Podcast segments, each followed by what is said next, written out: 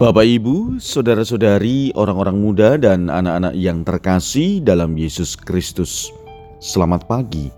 Salam bahagia dan salam seroja untuk kita semua berkah dalam. Bersama dengan saya, Romo Antonius Garbito Pambuaji, menyampaikan salam dan berkat Allah yang Maha Kuasa dalam nama Bapa dan Putra dan Roh Kudus. Amin. Hari ini, Kamis 26 Mei dalam Hari Raya Kenaikan Tuhan.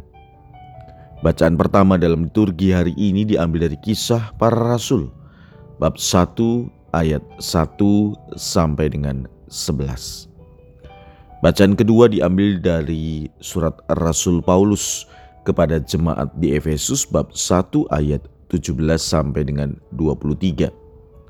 Bacaan Injil diambil dari Injil Lukas bab 24 ayat 46 sampai dengan 53.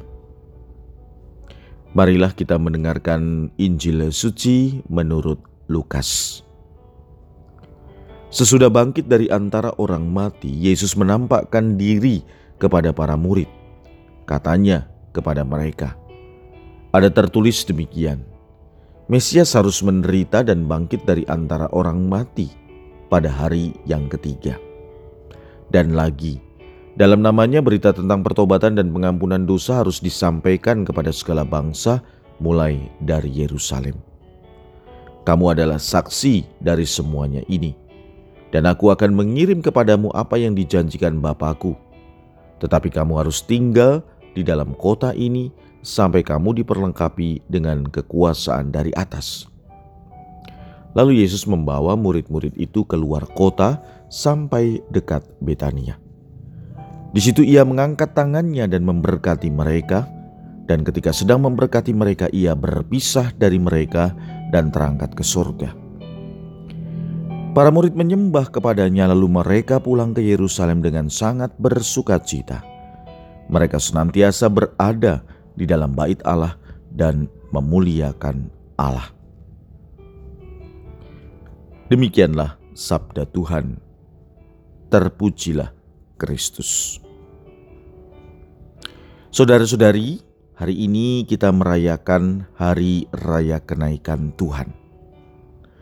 Sabda Tuhan dalam Injil hari ini memperlihatkan bagaimana Yesus naik ke surga namun sebelum ia naik ke surga, Yesus memberitahu kepada para murid tentang dirinya dan tentang tugas yang harus dijalankan oleh para murid setelah Yesus pergi. Yang pertama tentang dirinya, jelas bahwa Yesus mengatakan, bahwa dirinya adalah Mesias. Ia telah menderita, ia juga telah bangkit dari antara orang mati pada hari yang ketiga. Dan Yesus juga telah menampakkan diri selama 40 hari kepada para muridnya untuk meneguhkan mereka, memberikan kekuatan kepada mereka, dan yang paling penting adalah memberikan jaminan kepada para murid, yaitu mengutus Roh Kudus.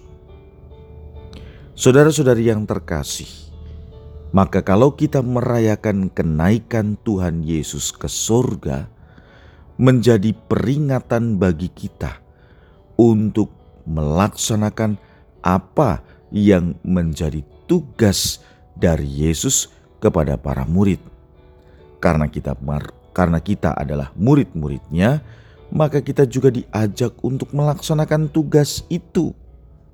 Pertama, memberitakan pertobatan dan pengampunan dosa dalam namanya kepada segala bangsa.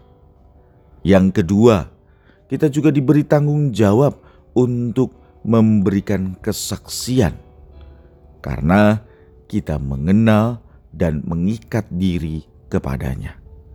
Maka saudara-saudari yang terkasih, mari kita mengusahakan hidup kita untuk melaksanakan dua tugas Yesus ini. Dan kita tidak boleh mengatakan bahwa kita tidak layak, kita tidak pantas, kita tidak pandai bicara, dan lain sebagainya. Tugas mewartakan Injil tidak dibatasi oleh kemampuan berbicara, bakat, atau sumber daya. Kita bisa melakukan tindakan-tindakan sederhana dalam mewartakan Injil melalui tindakan kasih, kerendahan hati, dan juga kebaikan. Kita juga harus yakin bahwa sikap dan perbuatan serta tindakan lebih kuat berbicara daripada kata-kata tanpa tindakan.